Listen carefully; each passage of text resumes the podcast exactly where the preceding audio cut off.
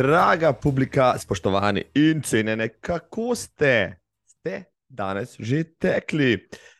Verjamem, da boste te praznike izkoristili za kak kilometr ali dva, morda tudi na destinacijah, kamor se predstavljate ali ste že predstavljeni. Uživajte, dobro trenirajte, prhajajo dirke.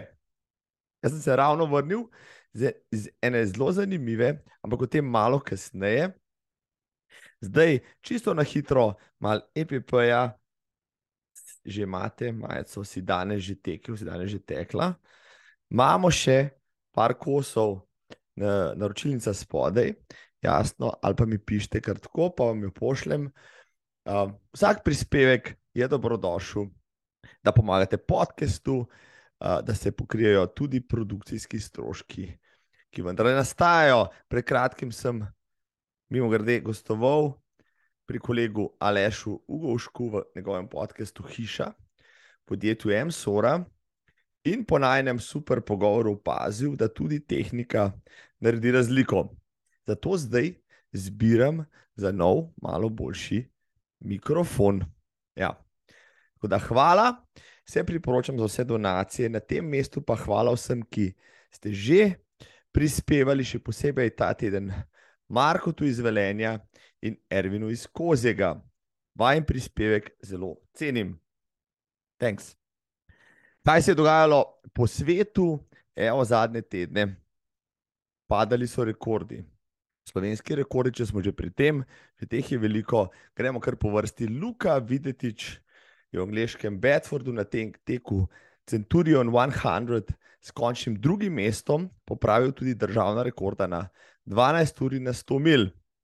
Prvi, ja, bolj znani rekord je doslej imel v lasti Uroš Srnec, uh, trenutno pa je letica postavljena na nekaj metrov manj od 149 km.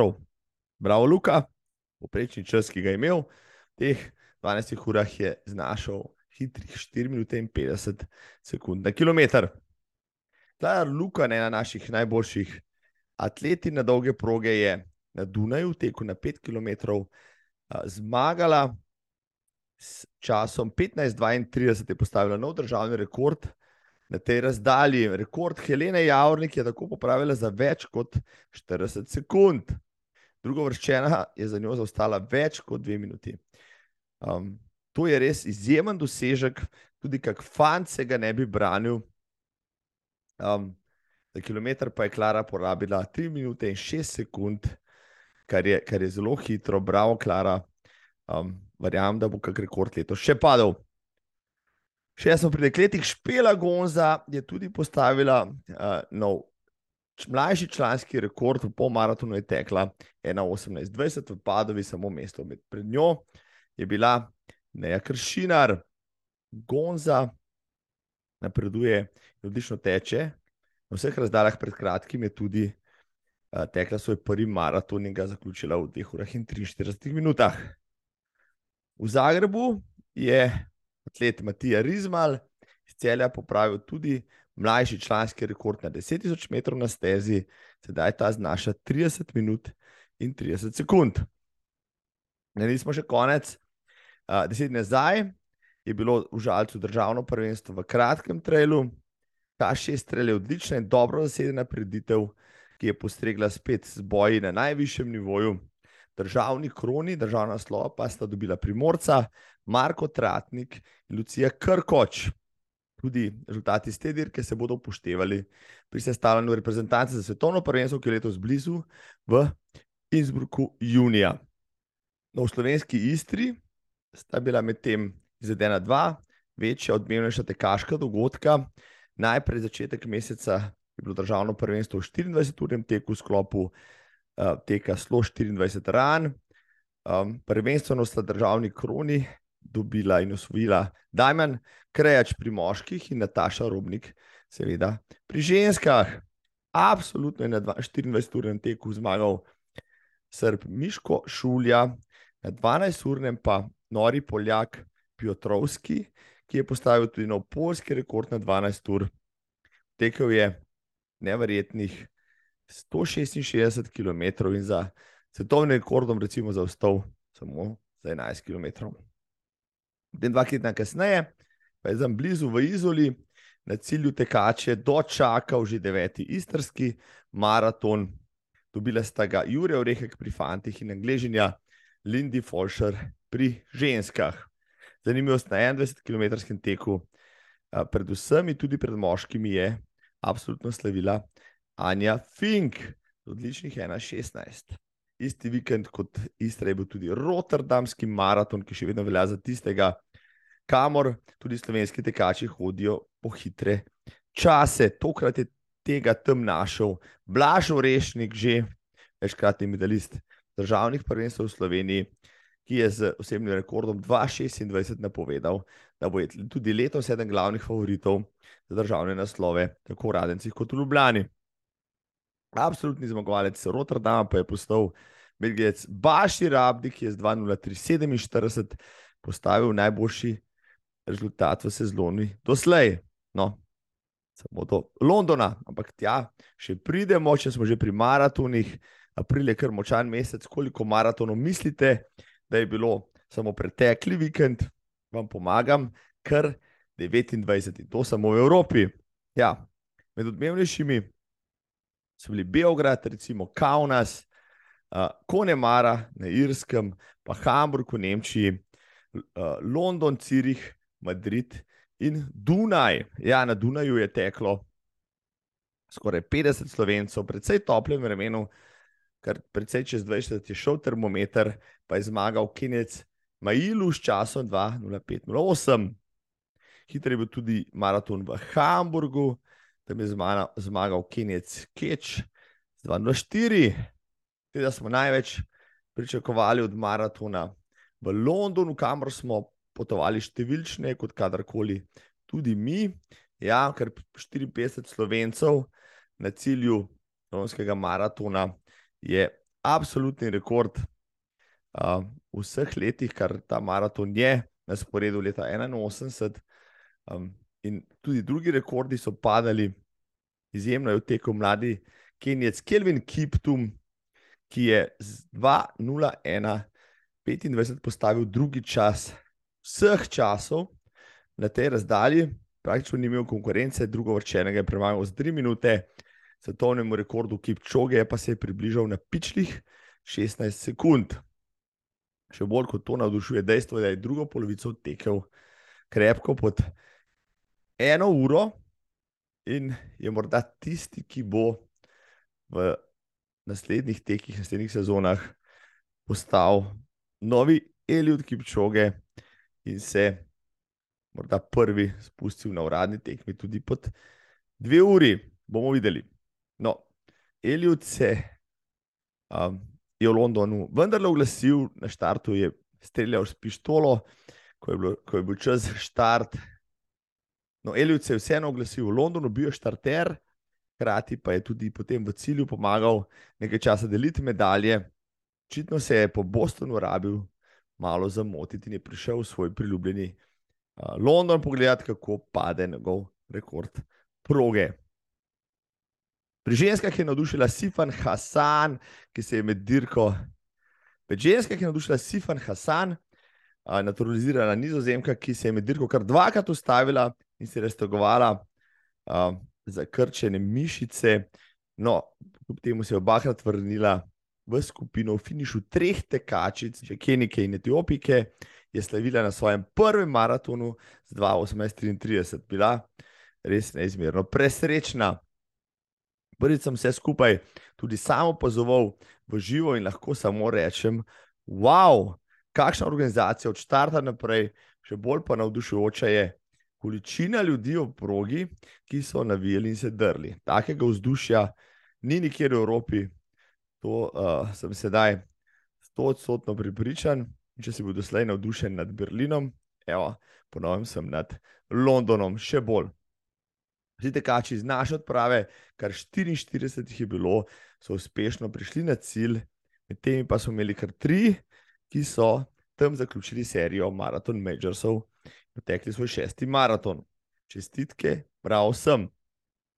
Večer smo se na analizi že pogovarjali v naslednjem letu, in ker so dan pred maratonom odprli prijave za žreb za naslednje leto, tako evo, vabljeni vsi, ki bi se na Londonu radi pomerili. Časa imate do petka, 28. aprila do 11. ure, ko sprejemajo prijave v žreb. In če boste uspešni na žrebu, kar bo kar uspeh, ker se tja prijavi več kot pol milijona ljudi, mest pa je manj kot 50 tisoč. No, če pa vendarle uspete, vas bo to stalo okrog 150 funtov, ali že vedno precej manj, kot so agencijske strtnine. Link dajem spodaj, tudi jaz sem se že prijavil. No, zdaj pa končno iz ceste v hribe, glavni tem epizode, pomladnim trailom. Ja, izpostaviti pa želim v tem obdobju dva največja, na en način prvega in zadnjega v, v polletju. No, in preden gremo v Tolmin, se bomo pomudili v Vipavski dolini. Da mi vse pove o Ultra Trail Vipava veli, sem poklical vodjo tekmovanja, Boščana Mikuža. Spoštovani in cenjene, ja, Boščan Mikuš je z mano, kdo je on. Ja, ime ste že slišali, morda niste videli uh, še obraza. Uh, on je direktor Ultra Trail Vipava Veli, že od vsega začetka. Je tako letos osma izvedba tega velikega trail dogodka uh, uh, na Vipavskem, Boštjan, uh, pozdravljen, živijo. Ja, živijo, lepo zdrav. Um, kakšno je zdaj vreme, ki je dol v Vipavski dolini? Uh, malo je rahlo oblačno, predvsem pa ok. predvsem pa piha, da kaj hoče reči. Ne, zdaj je lahko oblačno, važno, da čez tri tedne ne bo. Prav. V vseh teh letih ste imeli že najbrž različno vreme tam dol. Ja, ja, od zelo lepega do zelo, zelo grdega. Smo se prevadili na vse. A ste imeli zdaj sneg? No? To... Snega, mislim, da pa ni bilo. No. Hvala Bogu, snega ni bilo. Uh, bilo je že kakšna sodra, uh, burja, dežja polno. Uh, pa tudi sonca bilo dost. Lani je bil dež, tako da letos pričakujemo sonce. Najvišja temperatura zabeležena na UTV. Uf, tega ne merimo, verjetno tam okrog 30 stopinj. Super, super. Tako, evo, zdaj sva vse tiste, ki so um, rekel, prisluhnili temu le začetku, prestrašila dokončno z vremenom, ne hecam se, mislim, da so jih še bolj nam rekla, da bodo poslušali. Uh, o tem, o čemer bomo govorili, namreč v tvojem dogodku, vašem dogodku, koliko ljudi najprej povej, so ustvarja tale rekel, res čudoviti dogodek, ki povezuje preko celo Vipavsko dolino. Ja, res je tako. Eh, čez leto devet eh, ljudi, devet nas je v ekipi, eh, glavni, ki to organiziramo na dan, na teden, med preddogodkom, med dogodkom, pa približno 400 ljudi je aktivnih uh, po celi Polski dolini, predvsem pa lokalne ekipe. 400 ljudi je ogromno, kje dobite vse te, predstavljam si, prostovoljce, predvsem, ki priskočijo na pomoč. Eto, 400 je pač uh, sta obe sferi, se pravi prostovoljni in, ne, in pa profesionalni. Uh, Eh, predvsem jih iščemo v lokalnem eh, okolju. In uh, lokalni okolje pres, pokaže res veliko vnemo in uh, čudovit odziv, tako da smo zelo, zelo zadovoljni s tem. Tu so lokalna društva, športna društva, GRS in gasilska društva. Zdaj, glede na to, da si šef glavni vodja, direktor, koliko dela imaš ti čez leto s, s tem dogodkom? No, zdaj, čistko, no, da si ljudje, ne si ne predstavljajo, ne, da če imaš vso odgovornost, pač večino odgovornosti na svojih plečih, da to je dogodek, ki se začne praktično naslednji dan, ko zaključiš prejšnjega, no, za naslednjo leto že delaš. Ja, oziroma se prepleta že 2024, že zdaj. Pač dela je primerno, dosti, pač, kot v kažem podjetju. Pač, stalno treba biti aktiven, loviti roke, do, urejati dobavitelje, sponzorje, partnerje, prodajo, ki je konstantno uh, poteka celo leto. Logistika je velik zalogaj tega dohodka, mislim, da je srce dohodka in srca ultratrela je logistika najbolj pomembna. In ko meniš logistiko, veš, da je vedno do zdaj, ker lahko je ogromno narobe. Koordinacija, usklajevanje, ostane. Zdaj, ok. Um, zakaj pravzaprav, ne, se nekdo spravi organizirati en tak dogodek? Vemo, da je pravzaprav UTV bil tisti, ki je začel trail euforijo v Sloveniji na način. Ne? Vi ste bili, ne vem, mislim, da imate najdaljšo tradicijo. Uh, ki, z, z dogodki, ki so tega formata v Sloveniji. Uh, odkje, zakaj, kaj je bil povod, kdo se je tega spomnil in zakaj ste šli praktično na neznan teritorij to počenjati 8 let nazaj. Ja, dejansko 9, 2015, na 2014 smo to začeli, 2015 prvi dohodek uh, izvedli maja meseca, res je, kronološko smo bili prvi, prvi 100-kilometrski trail uh, naredili. Uh, takratna ekipa nas je bila, mislim, da nas je bilo nekaj 15, ko smo bili uh, združeni, še nobenega formalnega društva nismo imeli. Uh, bili smo alpinisti iz Ajdovskega in Vipavskega alpinistična ceka, uh, ki je nekako formalno to, neformalno vodo Dejan Koren, zdaj žal že pokoj, pokojni. Uh, združili smo se, da bi, ne vem, pač predvsem to lepoto Vipavske doline, ki smo videli, ki smo bili v hribih, uh, smo hoteli to predstaviti celotnemu svetu, čim več tujim tekačem, niti ne samo tekačem, ampak čist outdoor navdušencem in dejansko to je bil nek glavni povod, da naredimo nek uh, dogodek, ker se lahko tu združijo ljudje in uh, da v ta dogodek peletemo lokalno skupnost, uh, uh, društva, posamezne vasi, ki dejansko nekako stopijo na prizorišče in pokažejo lepote uh, Vipavske doline, oziroma posamezne mikrolokacije Vipavske doline. Um, še predtem smo itak precej trenirali po teh poteh, niti ne prav sam, kot sam tekači, bolj kot alpinisti, ampak prav skozi ta trening uh, smo se nekako zaljubili v te stezice in uh, razglede in te vertikale v Vipavski dolini. To mislim, da je bil en glavnih povodov. Ste si, ko ste izpeljali prvo izvedo, predstavljali, da bo toliko dela, pa toliko enih stvari za izpeljati? Ne, takrat smo bili precej uh, na začetku uh, in Večina nas je bila brez nekih izkušenj za delati dogodke, tako da nismo vedeli, da bo tako tak zalogajno. Sploh pa potem z leti, ki smo to zadevo večali, se sam večali. Smo pa tudi dobivali izkušnje in postajalo lažje s tem, ker smo dobivali izkušnje. E, je, je kor ekipa, glavnina še vedno ista, no, ti si v začetku zraven, ostali tudi. Uh, ne sem dva sva od začetka, se pravi, jaz pa ožbej. Drugi, pa, drugi so pa potem se pridružili v letih 2017, 2018, 2019 in naprej. No.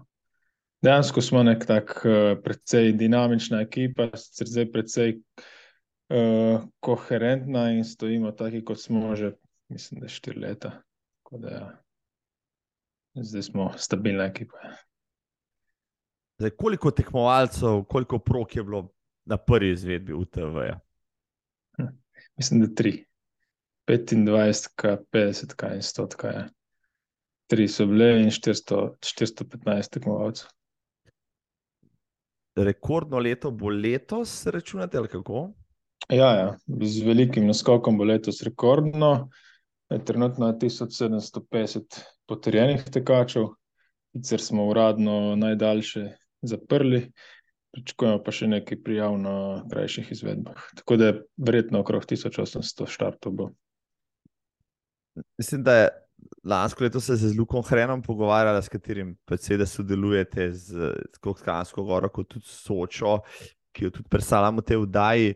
Um, oni so te, lansko leto, se mi zdi, 2000 prijav. Uh, zapolnili, kasneje zaradi vremena, imeli moče kakšnega manj na, sami progi. Um, vi se tej številki bližate, to je pa že kar dogodek, rekel, nekega formata, ne samo slovenskega, tudi evropskega. No, sej najbrž poznaš številke tudi na dogodkih okrog, kam se UTV uvršča v tem delu Evrope ali pa nasploh. Ja, dejansko v tem delu Evrope se uvršča v prvi razred teh dogodkov. Tako kot si omenil, na Julijskih Alpeh lani smo imeli 2100 prijav, potem štartov je bil sicer okrog 1600-1700, zaradi slabega vremena. Uh, podoben velik trail je v Istri, letos je bilo celo 2300 štartov, uh, mogoče še Korsa de la Bora, ki ima blizu 2000 štartov. Potem so pa to že avstrijski traili, ki se približujejo 2000, mislim, ne vem, če gre še čez 2000. Tako da na italijanski strani je Lavaredo zelo velik, no, tisti je res v prvi jakostni skupini. Tako da, ja, pač uvrščamo se v to prvo skupino, pote, ki beležijo 3. To je, rekel, to je kar že odgovornost to narediti. Zdaj, povej mi, ok, rekel, izkušnje je tako, pridobivate z ledi, ampak vsega, še tople vode, vse nima smisla uh, izumljati. Kje, recimo, si te vse dobivali, hodite tudi po trlih, najbrž v krog, jasno, zaradi promocije in tudi zaradi tega, da vidite, kako se dogaja, kje vse ste bili, kje ste vse črpali, najbrž tudi na UTMB-ju, če so pri tem na Istri ali pa še kje drugje. Dejansko pred 2018 eh, smo razvili sami svoje sisteme in potem zdaj pilimo skupaj, ki dobivamo znanje tudi z UTMB-ja, ker smo preko Krajinske gore združeni. Uh, dokler, pa, do, do, dokler nisi v dejansko v drobovju druge organizacije, ne poznaš uh, teh pristopov, uh, orodij, tako da to smo večino sami razvili do 2021. leta. In potem začeli primerjati z tem bojem, videli, da smo dejansko zelo podobno razmišljali in uh, se dejansko samo neke fine, finese, ker si pač kaj popravimo, uh, če dobimo nek primer dobre prakse stojine. Smo pa z, z, na to smo ponosni in zelo zadovoljni, da smo dejansko razmišljali v pravo smer. No, si, si predstavljam, potem, da se mnogi organizatori, tudi manjših trelov v Sloveniji in širše, hodijo pa k vam učiti, spremljati in tako naprej. Uh, da mi povej, zdaj, uh, jaz se uh, na področje uh, trela še nisem spustil organizacijsko, si kar ne drznem. No? Uh, Ker gledam vas, ki ste res uspešni na tem področju, in zdaj le priznam, bolj iz moje radovednosti, te sprašujem te stvari. Povej mi, mogoče čist glavne izzive ali pa glavne prakse, ki ste jih vi razvili ali pa na katere si najbolj ponosen, pa res se poznajo in, in delajo razliko, recimo, pa na katere so tudi tekači pozorni in jih znajo ceniti. Ja, zato prvo je uh, tehnično gledano označitev proge in dejansko vzdrževanje teh 220 km, da je konstantno zadovoljivo z, eh, označenih. Tem eh, konstantna oskrba, dobra oskrba krpčevalnic, eh, pravilna razporeditev ljudi. Smo rekli, 300 ljudi eh, po progi razporediti in jih pravilno usmerjati, pravilno časovno eh, razporediti in dati prave ukaze.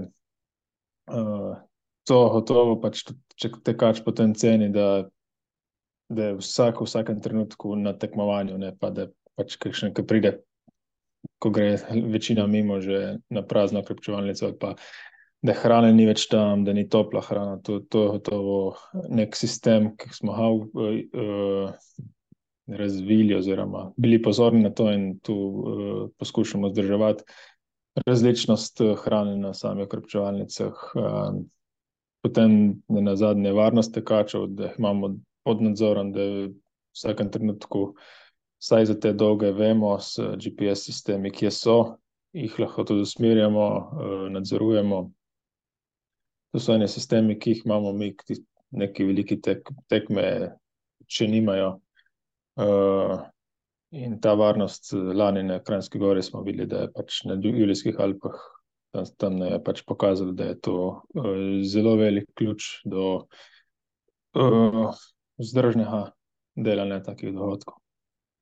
Tako da s tem bomo gotovo nadaljevali. Uh, tem pa ta konstantna prijaznost osebja na samem dohodku, da dejansko si sposoben te ljudi, ki sodelujejo s tabo takrat med vikendom, zmotivirati, da spremijo tekače in mu tekaču predstavijo progo tudi skozi njihove oči, ker dejansko tekač ima največ stika s ljudmi na krpčevalnicah, ne pa s glavni organizatorji.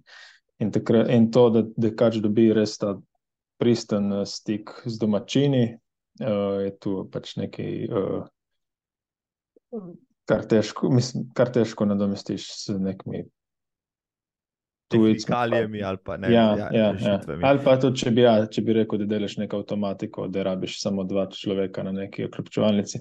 Mi jih imamo raje 10-15, če jih dejansko fizično ne rabiš, ampak važno je, da je tam vzdušje, no. da se imajo lepo. Da dejansko na tem, marsikatera okrepčevalnica naredi iz tega tudi nek piknik, in uh, potem se imajo oni fajni in tekači, ko pridejo tja, se imajo fajni. Prav.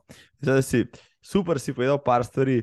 Mislim, da so našpičali šest, tudi kakšni organizatori, um, ki se lotevajo, poreko, predvsem manjših dogodkov. In, um, tle sem, tle sem za, za, za pozornost tudi jaz poslušal. Ja, bistveno je, kako, ne vem, koliko časa, povej, je pa prostovoljec, ki je najdalj časa, mora biti prisoten. Se vem, da se ne brž na učevalnicah tudi menjajo ljudje in tako naprej, ampak vseeno so ljudje, ki so ne brž tudi 24 ur na dan, poleg pač tebe, pa še glavne ekipe ali več po konci, pa dejansko skrbijo za dobrobit tekačev in organizacije. Tega se poskušamo izogibati. No. Zdaj, pač 24 ur na dan, pač smo res mitle 9, ki nas je, oziroma če je pridružen pridruženi člani te večje ekipe, še ože ekipe. Eh, na kopčalnicah pa poskušamo zdaj razporediti na izmene 8 do 6 ur. In se potem uh, ekipe menjajo, zdaj pač, uh, seveda, pa prostovoljno, če kakšen želi, da je več časa, pa verjamem, da se tudi po več časa, ali pa tudi mogoče 24 ur, kot, kot ste rekli. Prav. Prav. Um, no, deva zdaj pa letošnjo izvedbo, ki je pred vrati, ne, ko bo ta epizoda šla v eter, od dogodka še dober teden, napeto, najbrž e, živahno in tako naprej. Povej mi, Boštjan, prosim, kakšen je letošnji program, kje je trase, so na razpolago, kakšne so jasno novosti, na katere zdaj se ljudje še lahko prijavijo, in še kaj, kar sem pozabil vprašati zdaj. Ja, uh, letošnji program, oziroma novost, velika novost, je, da gostujemo v Ajdoščini. Priselili smo se z Vipave, ki je torej tradicionalno center dogajanja. Uh, vsi cilji so potekali v Vipavi. Smo šli v Ajdoščino, predvsem z logističnega uh, vidika in pa ja, večanja dohodka. Uh, Ajdoščina ima boljše kapacitete športne. Uh, s tem to pomeni, da smo proge spremenili v krožne, prej so bile nekako polkrožne. Uh, sedaj to je tudi z vidika tega, če verjamem, boljše, ker uh, začne in konča na istem mestu in to pač imamo možnost v Pavski dolini, ki je krožno oblikovana. Uh, preselili smo se v cent, športni center policije, kar nas spet omogoča zelo dobro logistični support tekačem, sprejem tekačev v veliki športni dvorani, uh, odlične možnosti za VC-je, tuše, spanje, uh, z kampi zraven. To so, ne, to so res velike novosti, od katerih se od, predvsej obetamo. Um, potem program začne letos v četrtek, popoldan ob štiri, s prevzemom štartnih številk najdaljših razdalj. Takrat začne tudi razstavni prostor. Trenutno imamo že več kot 20 razstavljavcev, tako da bo tudi samo dogajanje sejemsko zelo pestro na, v Ajdoščini, športni dvorani. Uh, potem v petek potekajo te uh, prevzemi štartnih številk do 5 ure popoldan, v peti začnejo otroški teki uh, pred športno dvorano, ob šestih in pol prvi uh, tekmovalni tek uh, Kastra City Run, 10 km tek s štartom v centru Ajdoščine in zaključkom v, uh, na, pred športno dvorano policije. Tako je 15 minut za njim, ob, dejansko ob 6:45, uh, najdaljši Emperor tek. Tega smo zdaj malo premaknili, bomo tudi tekače obvestili iz sedme smo premaknili za 15 minut nazaj, zato ker se potem na glavnem trgu v Ajdoščini začne slovesna proslava ob občinskem prazniku in tudi uh, konkreten koncert, katerega ne smeš še omeniti, ki ni še potrjen. Uh, tako da vsi vabljeni v Ajdoščino v petk. Um, In potem po tem koncertu bo pa štart 100 km ob 10 in pol. Tako da je trg v Ajdočini, bo mislim, da pogal po šivih v petek zvečer. Zjutraj v soboto spet na trgu 400 tekačev štarta na gladiatorja in uh, ob 9. Uh, 700, več kot 700 tekačev na legenarja, 30 km. In potem uh, se Potem imamo še ob 10. uri štart pohodnega Obeliksa, eh, vinski pohod med Vijonohrid. To je pač neka specialiteta UTVV-ja zadnje dve leti. Ponovimo tudi pohodnikom in vina željnim eh, obiskovalcem Vipavske doline, da grejo do najn vinsko pokušeno eh, Vipavski križ. Potem so ti eh, sprejemi eh, tekačev se pravi, cilj eh, zmagovalcev. Do 4 popoldne, ob 4 popoldne pa še štart zadnjega tekmovalnega teka, 15 km Asteriksa, in potem seveda pričakovanje vseh tekačev v cilj v, na policah. Zvečer obljubljamo še eno DJ zabavo s DJ Samotom. Uh, zadnje podelitve in zadnje uh, dejansko zaključne dejavnosti v TV-ju bo podelitev najdaljših v nedeljo ob 11, se pravi 100 milsko in 100 km teka, in potem zaključek, tudi uraden zaključek eh, časovnega limita ob 4, 4 in 45 popoldan v nedeljo. Se pravi, kakšen je limit na najdaljši razdalji na 100 milki? 46 ur. 46 ur, koliko je lansko leto rabil zadnji tekač? Mislim, da je rabil 45 in 50 minut. Ni, nam ni pustil dihati. in seveda vsakega pričakate. Kaj se zgodi recimo, s tekačem? Imate v, na umestnih kontrolah že neke časovne zapore? Imamo, ja, na, na tem najdaljšem, mislim, da smo zdaj nastavili celo štiri zapore. Tako da vseeno mora tekač nek eh, poprečno hitrost držati čez celo tekmo, ne pa da, da preveč taktizira med, sa, eh, med samimi ukrepami. Je, pa, če, če ne doseže limita, ga potem odpeljemo kar v cilj. A dobi medaljo? Dobi... Ja, ne, žal medalje ne dobi. Medalje dobi samo tisti, ki prečka ciljno črto v, v limitu. Ne. Ja, to je bil triki question, da, Zato, tuk, da veste, da se ne boste švrcali, pa se vozili v cilj. majico pa dobi, vsak, vsak ko štarta, da bi majico. Vrhunsko športno majico. Ampak, ja, kakšen je procent, recimo na 100 milki, pa na 100, na 100 km tekačev, ki uspešno pridejo v cilj, recimo tudi podatek? Je predvsej odvisno od vremena. Če je dobro vreme, mislim, da je vse jih 20 do 25 odstotkov. Če je pa slabše vreme, pa to hitro 50. Mhm. Ja, pač to je sestavni del ja. zahtevnih preizkušenj. Do, dolga proga je in uh, potem marsikaj zgodi, in zdaj, če je slabo vreme, se ti lahko zadeva še poslabša. Če bo slabo vreme, bomo zagotovo za 100 milske omogočili, ker imamo zdaj krožno pot, da dejansko v Vitovljah lahko zavijajo na stotko in imajo potem. Prav. Eh, kvalifikacije. Priznan rezultat na 100 km. Tako, ja. okay. Če bom še kdaj na 100 mil, ko bom šel v Pavo. Na stotki se ključi, kot je imel pol odvod, še tam za 50. Za 50. Bom šel pa na, tudi na 100 milko. Ja.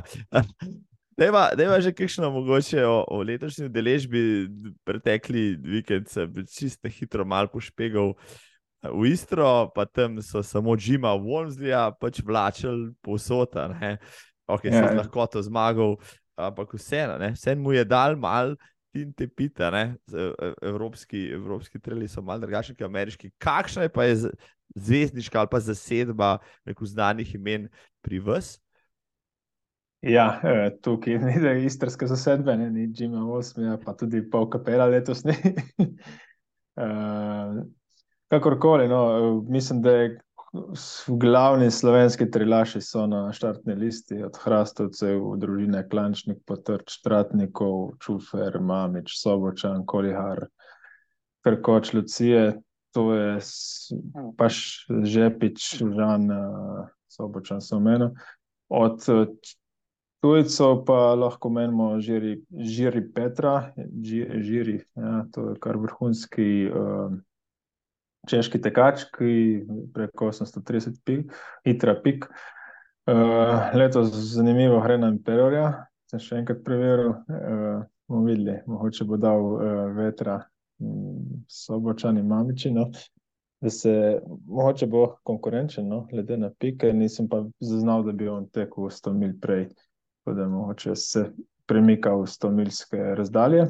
Um, tukaj je še Rafael Bilava iz Polske, verjetno na 100, 100 mil, in kar nekaj Čehov je na Centurionu. Ne vem pa, zdaj, kako bo, uh, kakšna je to konkurenčnost, ampak tam je kar neka velika, velika skupina Čehov, ki se prijavlja na Centurion.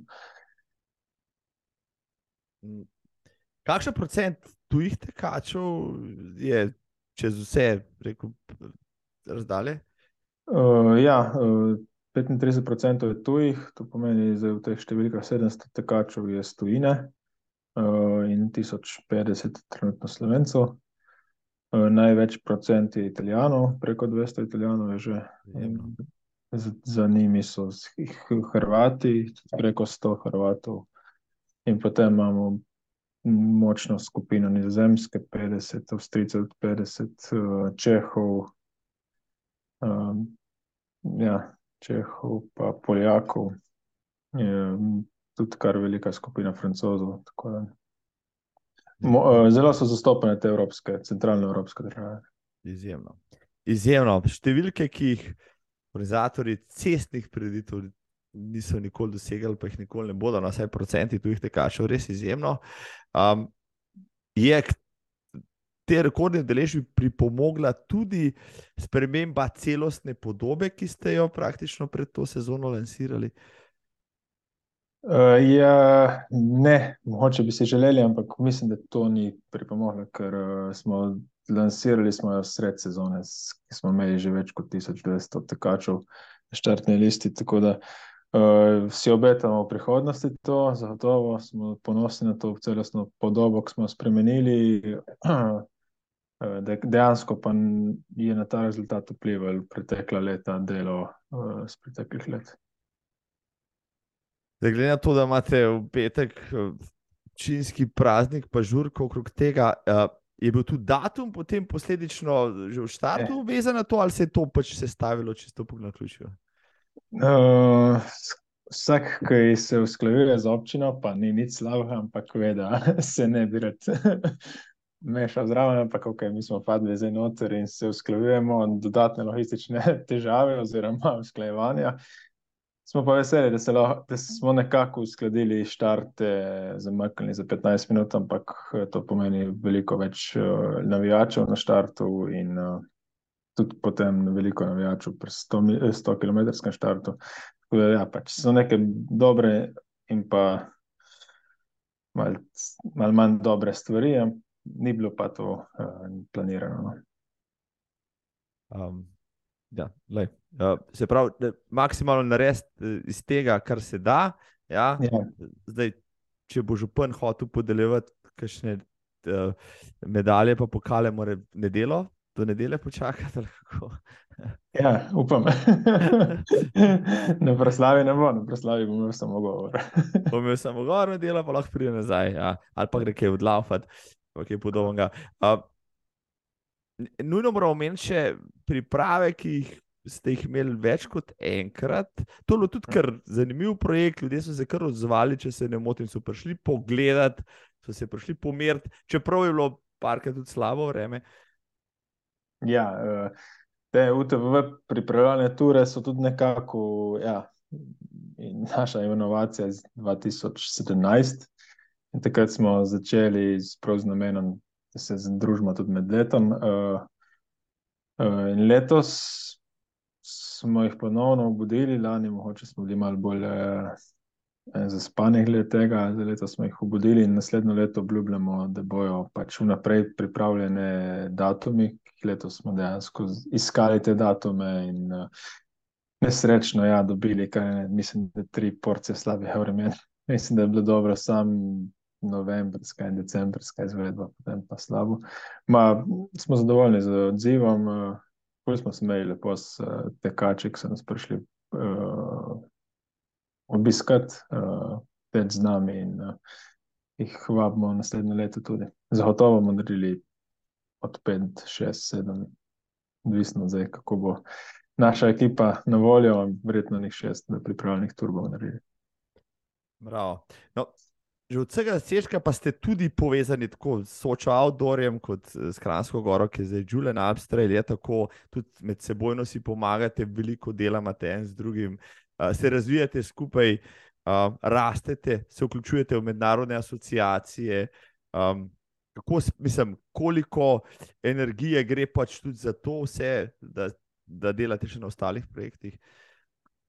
Dejansko do 2020 smo se združili tri, tri organizatorji tekov, ne, Soča, takrat, takratna Kranjska gora, Traileran in pa UTVV in naredili projekt uh, Julian Elps Traileran, tako da to je pač uh, sporeden projekt, ki je enako oziroma še celo ve, uh, ja, podobno velik, pa celo večji kot UTVV in je precej dela. Je pa res, da nas je tam večja skupina, več, še več znanja na kupu in uh, delamo res super.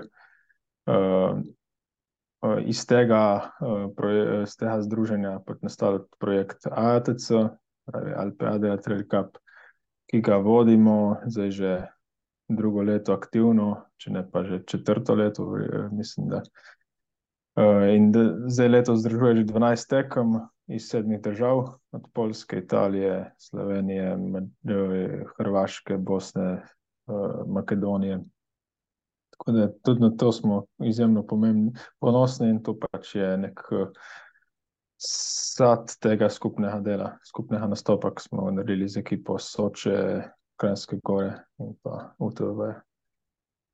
Um, čisto čist metli, s čemu pripisuješ ta izjemni, rekel, izjemno popularnost trail tekov zadnjih, kar ste vi začeli, pa do zdaj. No, mislim, na drugi strani cestni tek stagnira, celo pada po koroni, se je prepolovil, trail tek pa neovirano brzi dalje in, in vsako leto podira rekorde.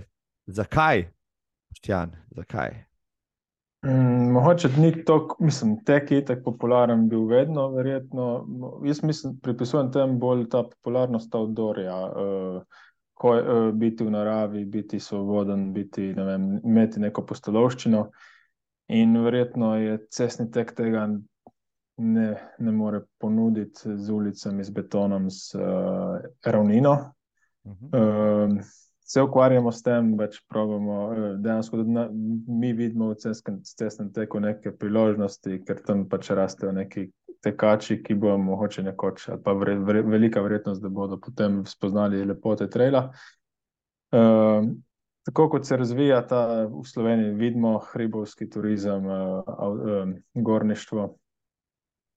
Je to dejansko zelo usporedno, oziroma lažje način, uh, oziroma bolj varen način uh, gibanja v naravi, kot pa gibanja v nekih hribih. Je dejansko, če tečeš po Vipavski dolini, pa tudi če tečeš po stezicah Julia Elpstra, je rana je lažje, kot pa manj nevarno, kot pa iti plezati ali pa po feratah v neke hribe. Tako da je dostopen širši množici in uh, širša množica lahko se hitro premika po čudovitih področjih Slovenije ali pa celega sveta.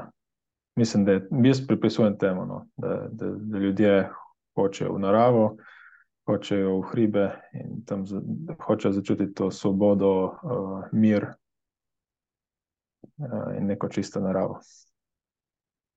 Ja, dragi organizatori cestnih tekov, včasih dodajte še kakšen trail. Ja, to je čisto dobro, da mi je na svetu, malo se hecam. Uh, Ampak tako to je, ne sej, v bistvu lahko gre eno z drugim, z roko v roki, kaj pa, ne. Jaz obožujem, rekel, uh, potke, hribe, Agmajne in tako naprej, po drugi strani, ko, ko nimam uh, cajta, pa volje, grem tudi po cesti, um, grem na še en velik. Mednarodni maraton ni, da ni, ki nudi rekel, tudi posebno zadovoljstvo in radost. Mm. Um, zakaj pa ne? Za vse je dovolj prostora, um, časa tudi, če si tako razporediš. In to je to, Boščan, povej mi, uh, veliko so povedala, morda kakšen pogled v prihodnost ne bo več, sigurno imate ambicije, pa načrte, uh, ki niso še skrivnost, pa mi lahko poveš, kam bi želeli svojo preditvijo ali pa nasploh v slovenskem in mednarodnem prostoru priti, kaj, kaj so vaše želje. Recimo? Ne vem, pač uh, Trail Texas oziroma te panoga trail teka se precej razvija v zadnjem času, tako da mi si želimo ostati na, pri vrhu, delati izjemne športne dohodke, ker bodo tekači uh, imeli res iz, izvrstno uh, nadstandardno doživetje. Uh, kam nas bo pa to pripeljalo, pač bo pokazal čas, mi verjamemo, da je zelo, zelo visoko in tam tudi hočemo biti. Ja, ko bo Jim Wolves klical tebe, ne? če že kakšno prosto mesto boš rekel, Jim, sorry, se je polno. Žal, na boš to ne boš mogel dobiti slota za UTMB, pa za Western States, prnas, ki je druge se pozanimaj. Potem, potem si dosegel vse, ja. ne moreš nekaj što delati. Vse omenjeno drži, kaj ne, UTMB, pike so tle, Western States, kvalifikacije, itra, točke, ni da ni vseh asociacij, ste možnih. Je tako. Tako je, ja, zdaj pač nismo zdaj v World Series, kot smo z Julian Elpsom, smo pač pa v Western States, pa kvalifikacijska dirka za UTMB in pa itra certificiranje. In pa seveda ATC. Ne na pozornost. Veliko, ja, velik, uh, kratic smo zdaj le povedali, spoštovani. Pa, ki veste, zakaj se gre. Sicer boste pogledali po linku, vse spodaj bom, prijavite se, če se še niste. Žal, sto milka ne bo šla, sorči, tudi jaz sem zamudil, smola, ampak na vse krajše bo šlo 50 na dol. Poščan si vse trase, uh, tudi sam prehodil, pretekel, prečekiral v živo s, na svojimi nogami. V enem kosu ne, drugače pa vse. Ja. V, sem prehodil in tudi že preoznačil, ker smo delali tudi uh, neko stalno uh, spot, obhodnico. Tako da ja, smo vse preverili. No, uh, če bi mogel izbirati, ne, če bi bil tekmovalec, pa bi lahko nastopil na svoji tekmi, kar si da ne moreš, um, katero razdaljo bi izbral? Letos verjetno bi 30, ki je res vrhunsko lepa s tem 16 km razglednim grebenom. Oziroma, mogoče tudi 60, kar se zdi zanimivo. To so moje razdalje, 100 in 100 mil, puščam za druge. Tle se najdeva, tle se najdeva, čisto konc. Prej sem, preden sem se začela snemati, uh, se pogovarjala o še eni stvari, ki me res fascinira pri vas. Že, mislim, da sem pred, preteklo leto, preteklo leto vsaj malo spremljal vaš neposredni prenos, ki je res, rekel, slikovit, informativen, dinamičen, ni da ni. Da mi malo povej, koliko ljudi, koliko tehnologije je tle opleteno, da vse to štima, kaj se zgodi, če kaj dol pade. Mislim, da rabite velike improvizacije, kdo skrbi se za to, sam to mi še, prosim, opiši. Uh, Ja, to delamo zdaj že tretje leto zapored, eh, tudi letos bo, eh, sicer v neki manjši izvedbi, kot je bilo lani. Lani je bila res vrhunska izvedba, zelo sem ponosen na to ekipo, ki to dela. Eh, Fanti so z lokalnega okolja, ampak res pravi mojstri tehniki in specialisti svojega dela. To je pač res nevreten studio zadaj in pa ekipa, lani mislim, da je bilo njih vključenih enih deset fantov, ki so to uh, šraufali, snemali, povezovali, preigravali te možne scenarije in pa tudi ta grafiko, kot si omenil. Uh, Lani smo celo poskušali z uh, mobilno kamero, kar nam je odlično uspelo na kolesu. Uh, tako da Lani nam je pokazalo, da pač, ko bo čas pravi, lahko gremo s to ekipo tudi uh, s prenosom na kakšno televizijo. Bravo. No, um, če ne boste v Pavi letos, boste pa pred, pred eh, računalniškimi zasloni, kot da ste tam, skoraj, ampak vseeno vabljeni. Uh, tja, uh, rekla sva, če za konec, samo še kje se dobijo informacije, uh, povej, Voščan, pa še enkrat datume, da res ne pozabimo. Ja, informacije dobite na spletni strani www.ultratrail.js. Dohodek pa poteka od 4. do 7. maja v Ajdušči. Boščan Mikuš uh, je v tole, spoštovani in spoštovane, zelo bila so izčrpna. Jaz se rad pogovarjam o trailu. Um, enkrat se bom tudi v pogumu pa šel pogledat malo z višine, Vipavsko dolino. Enkrat sem že bil, um, ampak ne organizirano. Zdaj, če me letos ne bo tam, bom sigurno spremljal ta odličen vaš prenos. Jašva Boščan, hvala ti za svoj čas. Uh, želim čim manj stresne zadnje dni pred dogodkom, pa spet še eno uspešno izvedbo v TV. -ja. Super, hvala. Pozdravi pa in ajdoščino, kaj vak.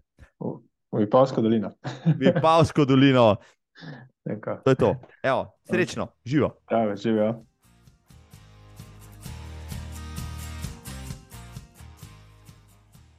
No, naslednji teden se torej vidimo v Pavi, spoštovani in spoštovane. Kaj je še v maju in v juniju na, na koledarju Trail Preditu. Um, je sredi maja, KBK, Trail uh, v Tavlah. 20 km boste tam tekli, potem teden kasneje, najprej v soboto, Lončarija teče s Trailom, premjernim na 24 km, nedeljo pa Kriška gora, že drugič, na 10 ki na 20, ki se lahko pomerite. Dobrodošli. Juni se začne s Kočevsko trailom, um, to bo soboto 3. tudi na več razdaljah, od 10 do 60, teden zatem Milanja trail z dvema razdaljama, 17 in 31, pa še Mariješki trail z 19 km progo, ja, tudi ta se vrača. Teden kasneje pa v Baški grapi Pušelc Ultra Trail z razdaljami od 10 do 100 km. Zaključek pomladne sezone in tja ga uvrščam, ker logično zaključuje prvo polovico leta, je Soča Outdoor Festival. Letos obhaja eh, deseto obletnico in to je še dodaten razlog, da ta izjemni dogodek, ta izjemni trail predstavim malo bolj podrobno. Pri tem mi bo veliko pomoč Peter Dachskobler, programski vodja festivala.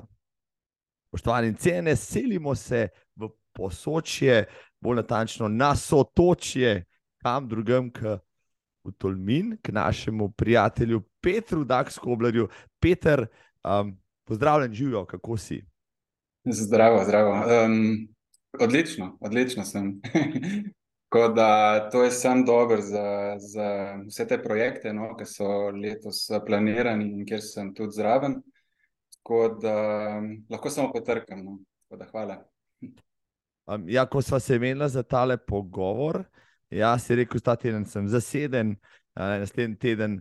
Evo se dobiva, meni tudi to ustrezalo, no zdaj smo končno, končno iz oči v oči, no, iz uma v zum, tule. Um, s katerim projektom se ta trenutek največ ukvarjaš?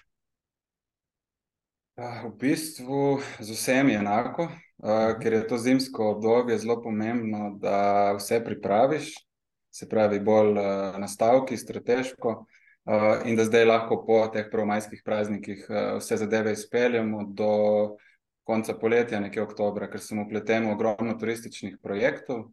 Uh, in uh, to je to zimsko obdobje. No. Zdaj pa res prehajamo v izvedbeno fazo, tako da že čutim tisto prvo tremo um, uh, in rekel odgovornost, no, da vse to, kar smo zdaj čez zimo obljubljali, uh, tudi novitete, pa da stvari izboljšamo, tudi dejansko pokažemo in da pol tekači to dejansko začutijo uh, čez uh, dobre dva meseca. Zdaj, ja, ljudje vedo, da je Peter Dax Kobler povezan s Soča Outdoor Festivalom, v katerem bo tekla beseda, prvenstveno, ampak delaš milijon stvari, praviš, da mi na kratko povej, da ne bom uh, kaj zafrknil. Um, pol leta nazaj smo prvi snemali en del tiste tekaške serije za Siol, ja, izvrstno izpadali vse skupaj. Um, pa takrat si mi cel kup stvari povedal, ki jih delaš, tako da sploh te, te, te ne upam predstaviti, ne? ker bom sigurno kakšno stvar zafrknil, pa premalo pa narobe povedal. Tako da prosim, Peter, da ti potem povej, kdo si in, in kaj vse počneš. Na kratko. V bistvu se bo poskusila ometi kar na tekaške dogodke no in projekte, um, ker je tudi tega veliko in da ne bo vam mogoče dolgočasila koga, ki ga druga stvar od tega mogoče ne toliko zanima. Pa mogoče res, da sem prej bil poznan in mogoče še vedno bolj poznan na kolesarskem področju, ker sem najprej kolesaril in šele na to začel teči. In potem smo imeli tudi določene odmevne projekte, recimo težave no, na Soča Odor festivalu, ker smo enako začeli razvijati kolesarjenje in tek. No, tek danes, potem bomo mogoče omenili tudi letošnje številke, prijavljenih um, je res eksplodiral, medtem ko kolesarjenje, pa tudi pri drugih organizatorjih, uh, bije eno drugo pot, um, predvsem zaradi uh, zakonodaje ali pa pridobivanja soglasij lastnikov, no, kar je letos primer tudi uh, pri ponudniku v Robidišču, ampak ne bi o tem. No, tukaj sem nabral res ogromno izkušenj, um, drugače pa ja, tudi po sili razmerno. Ker pač, če je toliko tekaških um, dogodkov organiziramo, se moram tudi sam pri sebi potruditi in čim več odteči. No. Tukaj sem mogoče še najslabši. No, to, to, to, to, vprašanje se mi zdaj le porodilo, ampak ga prehajam za malce kasneje, ja? da te spravim malo za drego ali pa, ali pa ne. Um, Soča Outdoor Festival je letos, katerič že na sporedu? Super, odlično vprašanje. Um, pa ne bom šel tako v detajl, ampak mi rečemo, da je deset let od mhm. prvega. Zakaj? Ker imamo vsi organizatori težave s štetjem od COVID-a naprej. tako da um, deset let je, kar obstajamo, uh, da je reči, da je to deseta izvedba in gremo v novo dekado mm, z novimi idejami, z novim pristopom, tako kot smo deset let nazaj veljali za neke pionirje, no, inovatorje na tem področju, um, se zavedamo, da moramo v novo dekado vstopiti uh, z novimi idejami, da pokažemo, da smo vedno znova sposobni generirati uh, in biti inovativni no, na tem področju. Um, ja, deset let se zdi v teku, posebej v trail teku.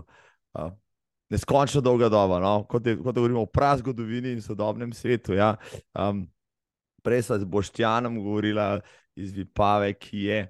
Pač oni so prvi bili na dolgih nastotkah, na dolgih trailih uh, v Sloveniji, vi ste, kot si rekel, na razdaljah do, do tja, uh, začenjali pisati zgodbe. Povej mi, zakaj, prej si omenil gorsko kolesarjenje, ali se je sporodilo najprej gorsko kolesarska ideja, pa je tek potekala za sabo, kako se je Soča Outdoor Festival porodil in zakaj?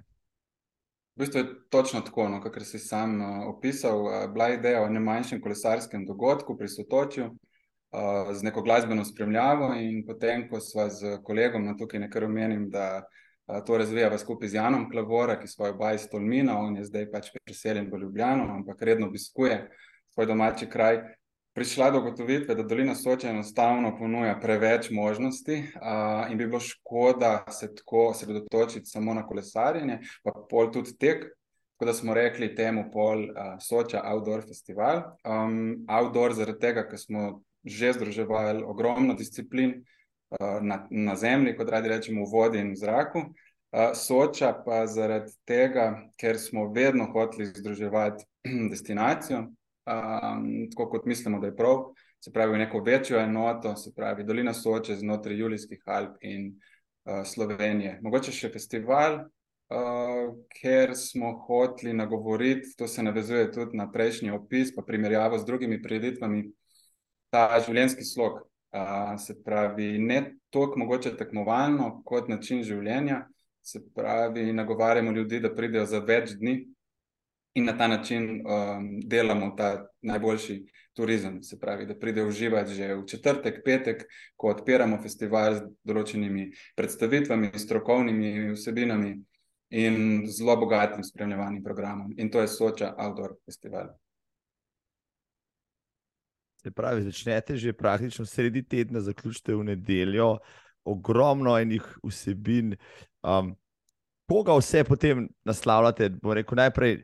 Najbrž pač tekače, trelj tekače. Videl sem tam, da imate celo zdaj, poleg koles, vseh kolesarskih zadev, še kolesarjenje za družine. Um, produkt, ki ga ponujate, je tudi večdnevno bivanje v vaših koncih, pa se po teh poteh uh, pač, uh, samostojno sprehajati oziroma trejljati.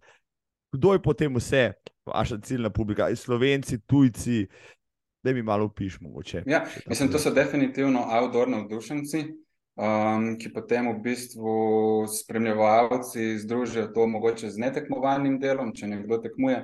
Uh, v osnovi so to tek, tekaška tekmovanja, kolesarska tekmovanja, mi ta del kolesarski zdaj ponovno. Uh, bom rekel, postaja močnejši. Lansko leto smo po letih praznine um, nazaj pripeljali gorsko kolesarjenje, letos dodajamo cestni vzpon, ki smo ga posvojili od uh, lanskega Džera na Kolovrat. In tukaj se ne bomo ustavili, potem so druga tekmovanja v zraku, ne vem, uh, sup, ampak to so res tako um, malo udeležencev. Iščemo mogoče še nek format nekega triatlona ali pa kombinacije, no? tako kot to Red Bull in podobni počnejo, nam še ni uspelo. Uh, in ta spremljevalni program. No. Da, in to se navezuje tudi na nagovarjanje, naprimer, tujcev ali pa slovencev, recimo iz Ljubljana in, in širše okolice, da pridejo v Tolmin. Tolmin je za marsikoga že v Sloveniji, na, na, na, na koncu sveta. Um, in dejansko je, je to naša obveza, da ponudimo bogat spremljava, uh, program in da, imajo, da imate razlog, da prijete za več dni. In letošnje številke no, uh, pa kažejo, da smo že dosegli 50% uh, tujcev prijavljenih, To je en pomemben podatek, se pravi, smo precej dvignili iz nekje 30 plus na polovico ali celo več. In druga stvar, da se je to zelo razpršilo, da nimamo več samo veliko uh, število Hrvatov, potem smo tudi znani, no? pa mogoče tukaj iz zamestva Italijanov, ampak se ta paleta širi. Tako da prodiramo, prodiramo naprej v, v Evropo in smo, kar se tega tiče, veseli. Mogoče še ena specifika. No, tudi letos uh, imamo 50% udeleženk, se pravi žensk. Tako da potem smo definitivno tudi prepoznavni. No. Poleg tega, da res, um, poleg tekmovalnega duha, um, ljudi peljemo skozi enkratne lokacije, kot so štartni cilj na Sotočju, prečenje reke Tolminke. Tolminski grad, Tolminska korita. In dejansko se veliko ljudi, mogoče v drugi polovici, vzame čas, ustavi, poslika, pogovarja z domačini. Tako da res veljamo za en tako zabavo no, v tekaškem smislu, napram drugim dogodkom. Um, ja, ta, ta, to, to malo neresnosti, pa, pa veliko narave, pa odličnih razgledov. Ja. Marsikdo mi je že rekel, soča ne, ne stalica na njegovem programu, je pač to sredi poletja, kdo bi rekel, prevroče za podice po hribih, ampak soča Tulminka, tudi tista senca in hlad, tam v vaših koncih sta prav vabljiva, no, ko je tle v naših koncih, pa bolj vroče, kaj pa. Uh, ali pa zakaj, no, se najbrž feedback dobivate od tujcev domačih, kaj vse ljudje cenijo pri vas, no, poleg tega, kar so že omenili. Kaj še, najbrž te kdaj tudi kaj preseneti, ali pa ne, ko sprašuješ tekmovalce, udeležence, obiskovalce, kaj jim je všeč, zakaj pridejo. Če potem veš, vprašanje naprej. Ne, rekel si, eksplodirali ste uh, uh, na teku. Zakaj je torej trail tek v Sloveniji ali pa nasplošno v tem delu Evrope širše tako dominira, kar se teka tiče in tako raste? Mislim, da sem začel na splošno, se pravi, zakaj. Naštel sem že mikrolokacije, dolina Soče kot destinacija, zagotovo da svoj delež, ki je atraktivna in tudi zanimanje v tujini na sejmih. A, ko se predstavlja destinacija, je res enormno, tako da to je definitivno za pripisati tudi temu. Um, voda, element vode, ki stalno spremlja tekača, tudi znojno, ker v bistvu um, takrat je pri nas res že vroče. Um, to potem definitivno ta faktor X je prečenje reke Tolminke, ki je bil v začetku čist nek štos med organizatorji, v bistvu neka druga ideja, nek, neka uporniška, ki bi pokazala neki lokalni skupnosti. In smo to preselili s Soče, ki je bilo, ne bi bilo neizvedljivo, neprimerno za tekače. Na reko Tolminko in dejansko, ko imamo včasih težave se odločiti, ali je to vem, primerno, bom tako rekel, ne, je varno, nevarno. Um, enostavno to tekači, partnerji, publika, vsi zahtevajo od nas. No? Tako da um, to potem, ne vem, mogoče tudi vi opazite po Sloveniji, po tujini, ko greste, imamo res lepe majčke, no? te kažke s pač partnerjem Adidas.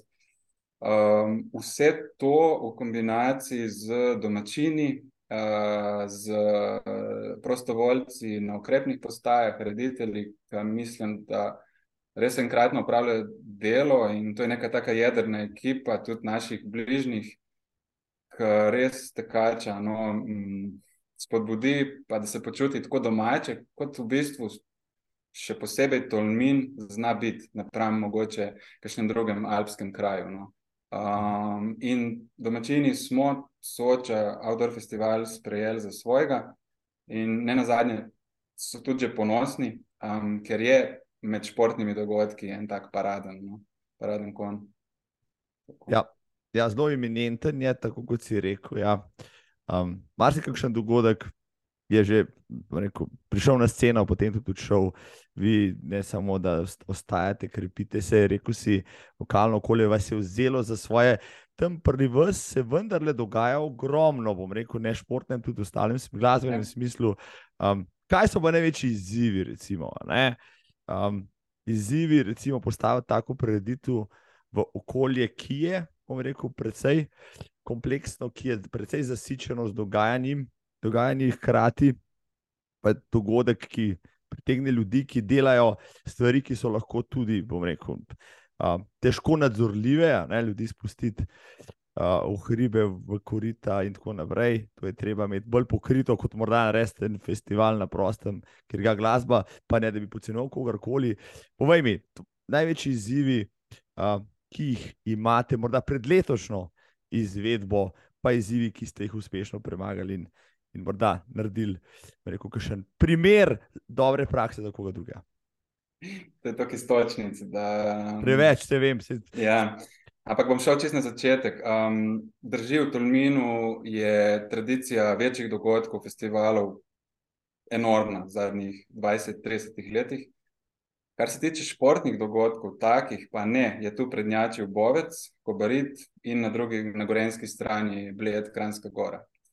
Tako da tukaj smo se priključili no, malo uh, temu znanju in, in izkušnjam uh, na območju Sotoča, prva edicija Soča Odr festivala, ker smo imeli samo pol leta časa, se ni izvedla na Sotočju, ampak v nekem športnem parku, ker se nam je to zdelo za prvo edicijo in septembrski termin bolj obvladljivo in izvedljivo. Potem smo se pa seveda preselili na to prizorišče zaradi izkušenj, ki so jih dogodki in organizatorji tam že imeli.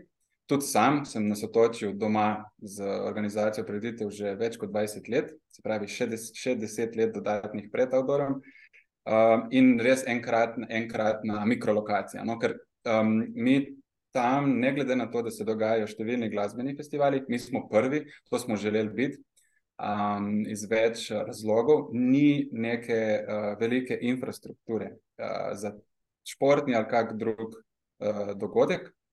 Tako da je naporno postaviti to prizorišče. Um, imamo srečo z vremenom, deset let, uh, deset let zelo dobrega vremena, in potem to vzdušje, uh, vse ta material, športni, um, res pride do izraza, no, tudi ta mikrolokacija.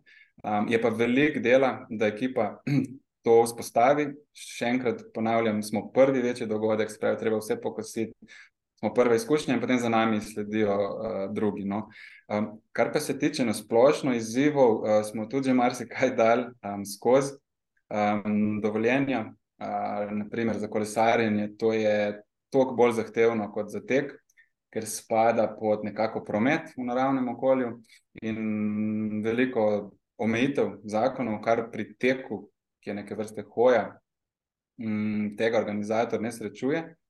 Um, ampak spet um, imaš pa bogate izkušnje in, in, in pripravljene velike napore, ki jih pol iz kolesarjenja lahko preslikam na tek. Um, drugače pa ja, najtežje je skozi naselja, uh, skozi korita, se pravi, um, veliko lažje je stvar speljati na manj obljudene potke v hribe, no? uh, kot pa to kontrolirati. Praktično festival se dogaja, tudi najdaljše distance v in v okolici, v, v mestu Tolmin in v okolici. No. Tako da štart nas otočijo, cilj nas otočijo, tako da je kar zahtevno, no, da vse to špila. Čist mi je res, da se jim utrnilo. Uh, so tolminska korita tisti dan rezervirana samo za te kače in imajo obiskovalci v tem težavo, prijetno, ali pa sploh ne morejo? Bom uh, naslikal problem, oziroma izziv a, kraja in tudi nas s tem, da recimo v letošnjem letu bo treba za te najbolj vroče termine a, v terminskih koritih vstopnico rezervirati. Pravi online, zato da se, ker se bo stvar omejevala na način, da je izkušnja za obiskovalca še sprejemljiva, se mhm. pravi, lepa. Um, in mi, organizatorji, se pravi, počnemo v korita teh tisoč plus tekačev v razdobju enih treh, eh, štirih ur, ob tem, da ne zapiramo se pravi, možnosti obiska drugim. Uh, tako da pač, ja, tudi se upravičujem, uh, če je kdo naletel že na, na, na gužvo, ampak zaenkrat uh, nekih velikih pripomb no, nismo imeli, ker nam tukaj gre na roko, da je res enkratna kulisa in potem tudi tekač to vzame malo v zakupno. Kdo je bil tam ve, o čem govoriš, jaz dobro vem. Sem bil tam več kot enkrat. Uh, kdo še ni bil tam, spoštovana publika, morate iti letos, ker prijave so odprte, so vroče, pohajajo, zdaj bo dva mal tehnična, štedeva si pred ja. številkami. Katere razdalje so na voljo, koliko prijav je še, dokdaj se treba prijaviti, vse to mi prosim povej. Tako pa začnemo pri prijavah. V nedeljo je potekel ta predzadnji prijavni rok, tako da zdaj smo vstopili v zadnjega uh, in beležimo rast, uh, veliko rast uh, prijav napram lanskemu letu, ki je bilo rečemo prvo iz časa korone. Um, to je ena stvar, uh, neka razmerja smo že omenila. Uh, prijave se zaključijo teden dni pred dogodkom, se pravi, časa je še maj in juni. Uh, kar se tiče razdalj, imamo novost, um, pa ne bom rekel samo eno, eh, da smo dodali 50 km, ampak smo prejšnjo 42 km nekako uh, razbili na 35 in 50. Tako da to je glavna novost in sem prepričan, da bomo s tem prepričali še več tekačev. Um, in to že kažejo, bom rekel, številke na teh najdaljših razdaljah, kjer smo mogoče v primerjavi z drugimi organizatorji bili mal zadaj. Um, tako da to je glavna novost. Mogoče še ena obrazložitev. Mi smo že razmišljali o da, še daljših distancah, uh, tudi z izkušnjami, ki jih pridobivamo, organizatori. Na, uh, so organizirani tudi Julijske Alpe, Trejran, pa lansko leto s Boštjanom Ultra X. Uh mhm. -huh. Tako da smo se s tem poigravali, pa smo sklenili, da ostajamo zaenkrat v tem, uh, do teh razdalj do 50 km, ne gremo v neko ultra sceno um, in raje um, širimo, se pravi, pestrost programa znotraj outdoora, se pravi, pri kolesarjenju, spremljevanjem programu ali pa kombinaciji tekmovanj. Tako da imamo namen ostati pri razdaljah nekje uh, 40-50 km. Mislim, da to, kar si zdaj povedal, da razdalje grejo lepo, uh, rekel, z, z uh, energijo, ki jo ima tam in so toče, in vse skupaj. Uh, te 15-25, jaz sem naredil virtualno, enkrat tole 28, kaj je bilo takrat, kolegi so šli na 40. Um, to je tono. Ti, morda v ta prostor, če bi šel stotko delati, zaideš preveč onkraj ne, tistih lepot, ki jih Delmun Tulmin sam ponuja. Pač, uh, moče malo bluzim zdaj, no, ampak se mi zdi ne. tako kot. Ne, neko festivalsko dogajanje, pa muzika, pa živahnost, da ne soditi. Ja, oziroma, vsi malo to povezujemo z sotočjem, so tudi te razdalje tiste, ki ki so zelo simpatične. Če, če lahko še, še Dovolj, dodam, izvoli, uh, prosim. definitivno je pač koncept, uh, vibe, uh, to, kar nagovarjamo, da je bolj nek način življenja. Ma, drugo je pa tudi uh, organizacijski vidik. Ne? Um, mi ne da ne upamo, sploh zdaj, ko imamo izkušnje, tudi uh, organizatorji Soča Odor festivala z organizacijo daljših tek, tekaških tekmovanj, um, ampak enostavno imamo bogat preostali program. Se pravi, uh, ko tekači že uživajo na plaži, uh, jaz preklapljam fokus na uh, kolesarsko tekmovanje. Tako da tukaj noter pač obstajajo omejitve, in mi smo zbrali širino, se pravi, da ta napor, ki bi ga vložili v organizacijo uh, relativno majhnega dodatnega števila tekačev, ultra, raje vlagamo v druge discipline, kolesarske. In, in, in to, to je poanta v bistvu festivala, in tukaj se nočemo uh, zgubiti. No. Uh, res ste v širino, ne v dolžino, malo karikiram. In, in, in se mi zdi to zelo, zelo simpatično. Zelo simpatično letos se vidimo, definitivno. Um, bom tam morda tudi kot tekač, to še ne vem, bom pa tam, uh, so me že zvabili tja. Tako da moram to pač še že deseta, pa sploh, ne, to pa zdaj veliki dogodek, obletnica. Koliko vas je v, v sami organizaciji, koliko še prostovoljcev, da še to mečkaj urišejo?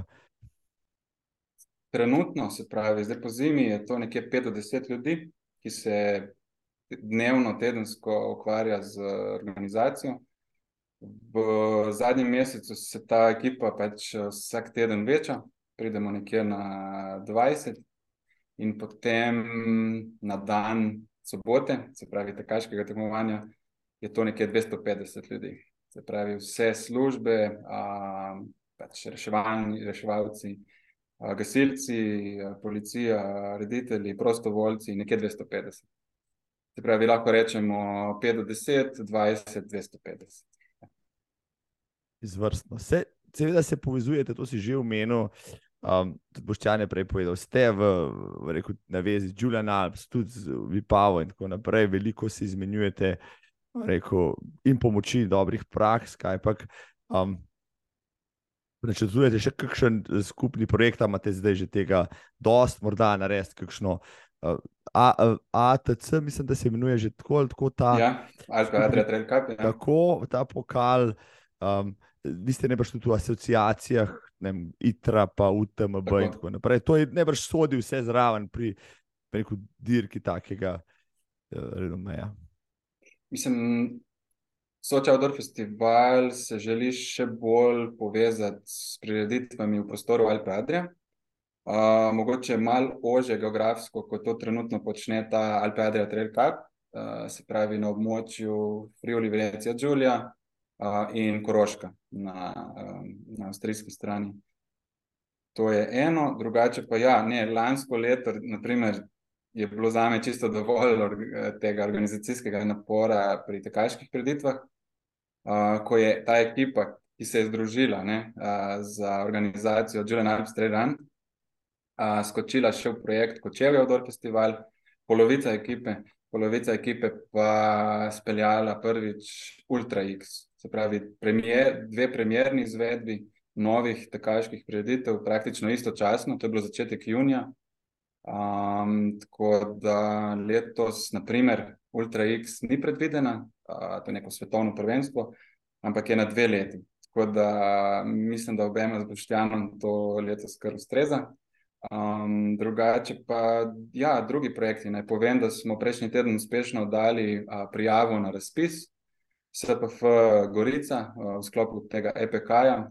To je Interregov program, uh, ki je bil zdaj aktualen dva meseca.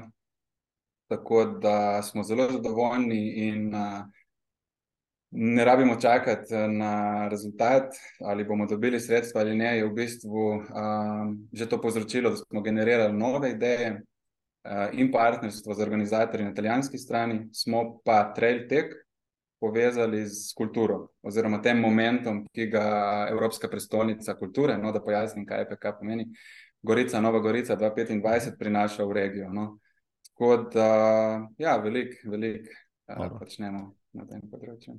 Noro, muzika, kultura, mountain bike, uh, uh, supi, laufarji, okopati se na cilju uh, trela 50 km, tega tudi ne držiš nikjer drugje. 10, 15, 15, 35, 50, kaj je tvoja najljubša razdalja na sofu? Mislim, 15, kaj je klasika, to je osnova, uh, iz katere se vse razvija, in uh, tukaj nimaš kaj falitno, po domače rečeno. Um, jaz zase bi si izbral nekje, uh, če govorim o razdalji 15-25, je pa tudi nova 35, uh, ki smo jo v bistvu zaradi določenih izzivov, težav lansko leto formirali na novo, meni kar simpatična. No? Da, zagotovo potrebuješ še kakšno izboljšavo, ampak dejansko obkroži Tolmin, uh, most na Soči. Uh, spet ne gre pretirano visoko, ampak uh, poveže tisto bistvo uh, okrog Tolmina, ki ga je nekako treba videti, preteč, prehoditi, obiskati. Kakšen je limit torej na 50 km? Limit na 50 km razdalji je 12 ur, s tem, da bo to najbolj zgoden štart. In to je še pol ure prej, kot so bili prej štarti na 40, to je ob 6:30 in zapora 18:30. Um, Koliko tekmovalcev pričakuješ na najdaljši razdalji? Uh, na najdaljši razdalji nam kaže lepo s prijavami, trenutno jih imamo 90, uh, in skupaj s 35, no, ker jih je že 100, uh, smo definitivno dosegli na ta cilj organizatorjev, uh, da z razbitjem razdalje 40 na 35, pa 50, uh, lahko nagovorimo še večje število ljudi. No. Perfektno. Um, če so obdelali zdaj vse omenjeno, trail, naravo, kulturo, muziko. Trajnost je ena od stvari, pričital sem si na spletni strani, ki me je pri vas res dodelana, izjemno veliko date na to in tudi udejanjati, ne ostane samo pri besedah, marsikje se nekaj ne piše, pa potem v praksi morda ne izvede pri vas ste celo merili oglični odtis preditve, kar mi je bilo fantastično, kako ste to naredili, res super. Da mi še kaj o tem povej. No, ste tudi na tem področju najbrž, bom rekel, ker vodilni v, v državi in širše. Uh, tako je, um, se strinjam, uh, ampak tukaj spet uh, prednjači in v bistvu delo pelje ekipa iz Ljubljana, Good Place, ki je zagotovo vodilna ne samo v Sloveniji na tem področju, se pravi zelenega turizma, ampak tudi čez meje, se pravi širše v regiji. Tako da jaz sem to bežno spremljal, ker to res njihova ekipa pelje. No. Um, enostavno je bilo to narejeno v sodelovanju z, mislim, da Mariborsko fakulteto, nisem ne vem točno katero, uh, ki je pripravila res natančne in strokovno temeljene izračune In kolikor se spomnim, je to od uh, potovanja, se pravi prevozov, kjer je bil naš ukrep, da smo ponujali možnost uh, teh um, um, share rights, se pravi v teh Facebook skupinah, no, da se ljudje združijo in grejo z, uh, skupaj. Uh, ponujali smo s partnerjem Continentala avtobusne prevoze iz Ljubljane, iz Zagreba, vem, pravi. Uh, to je tako najpomembnejši vidik dogodkov, v bistvu ta potovanja, no? potem pa še um, embalaža. Pa ta goodie bag imamo virtualni, nekako. Um, se pravi, mi imamo delo res razdeljeno na vseh projektih, kot vsega v detalje, ne vem. Prehrana, uh, je to vegi, je to z uh, mestno prilogo. Um, in tako naprej. No. Uh, okrepne postaje smo tudi že preoblikovali v smislu, da, ni, da nimamo več teh lončkov, ogromno tega, v bistvu, ko, ko sodeluješ z strokovnimi inštitucijami in dejansko to skušamo meriti, izvajati ukrepe, vprašati udeležence za izkušnje in kako se jim zdi. Tako da absolutno to tudi dejanjamo, ne pa samo govorimo, ker so dejansko med. So organizatori, ljudje in ekipe, ki so na tem področju med najboljšimi um, preko meja Slovenije. Peter Dakskobler, ki dela praktično 24-7 za milijon projektov, ki si jih je nakopal na vrat. Ja, ima sploh kdaj čas dejansko sam teči in kolesariti? Um, za te, ki je manj izgovorov, ker v bistvu je to lažje. Zato sem mogoče tudi presedlal iz, iz kolesarjenja na tekno. Kolesarjenje vzame več organizacijskega napora, več časa. Um, tako da za tek uh, ne bi smelo obstajati izgovori. Tudi ob obilici dela in, in tako, tako da, se pravi, tukaj se moram še zboljšati. No, pa naj povem, da letos imam za cilj, no, prijavljen sem v Kočevju na 60 km, se pravi, to je daleč, najdaljša, najbolj naporna disciplina do zdaj za me. Tako da decembra sem si dal ta izziv. Um, drugače pa je Tolmin uh, zelo prijeten, oziroma tekačev naklonjen, ker dejansko imamo zelo mile zime, uh, nimamo snega in uh, se da veliko teč. No. Tako da jaz po zimi več tečem kot poleti, um, ker lažje ujamem nek delovni ritem, um, ker to poleti zaradi teh projektov skoraj ne mogoče. Torej, ja. Ne bova se pomerila na tvoji progi, pa na tvoji dirki, ja, se bova enkrat drugič. Ja, vsekakor se vidiva na sotočju, letos datum, vse vsi vejo, kdaj je, pa vse enega povejva še na glas. A, to je letos zelo enostavno za tekače, 1. juli. 1. julija, tako v Tolminu. Ne vem, so kaj pozabila, mogoče Peter je kaj ključnega, kar mi je ušlo, pa te nisem vprašal. Pa jaz mislim, da ne, da glede na to, da bomo praznovali deset let obstoja, bomo zagotovo najboljši do zdaj. Bomo pripravili kako presenečenje. Interes je velik, tako da apel na tiste, ki um, pač resno se spogledujete z mislijo, da bi prišli odteč, da rezervirate prostor uh, med tekači, pa tudi prostor za prespati, no, da, ker Tolmin je res na, na koncu sveta za marsikoga. Tako da s tem pohitite no, in uh, da ne ostanete brez te letošnje izkušnje. Kaj dodati, spoštovana publika? Evo, Peter Daxkolor iz Soča Outdoor Festivala vam je zdaj lepo vse. Če še niste prijavljeni, sedajte, če ste, če ste že, sedajte še enkrat, ne hecam se, povabite še koga, ja, naredimo skupaj in še rajt, evo, če se bom pelal sam v to posod objavil, pa jemljem pač vse sopotnice sabo, ja, ne hecam se, ja, to bo, tudi sopotnike, tudi sopotnike, jasno, jasno, da pridemo v Tolmin, 1. julija, Peter Daxkolor, hvala ti za javljanje, vem, da sem te zmotil med delom, um, uspešno še naprej, dva meseca boste hitro mimo, se vidimo tam dol prvo. Marko, hvala za povabilo. Lep večer, srečno. Srečno. No, hvala tudi Petru, na Soči se tudi definitivno vidimo, še prej pa na nočni desetki, ki ima uh, samo še nekaj mest na voljo in bo v kratkem polna vabljenih prijavi, da ne boste rekli, da vas nisem spomnil. To je vse za danes, knjigo uh, film tedna in pa seveda novo revijo, uh, tekač, ki si predstavim naslednjič, do takrat pa tekaški pozdrav, ostanite zdravi, pogrejte se na sončku, ki prihaja, se vidimo tam zunaj. Ciao!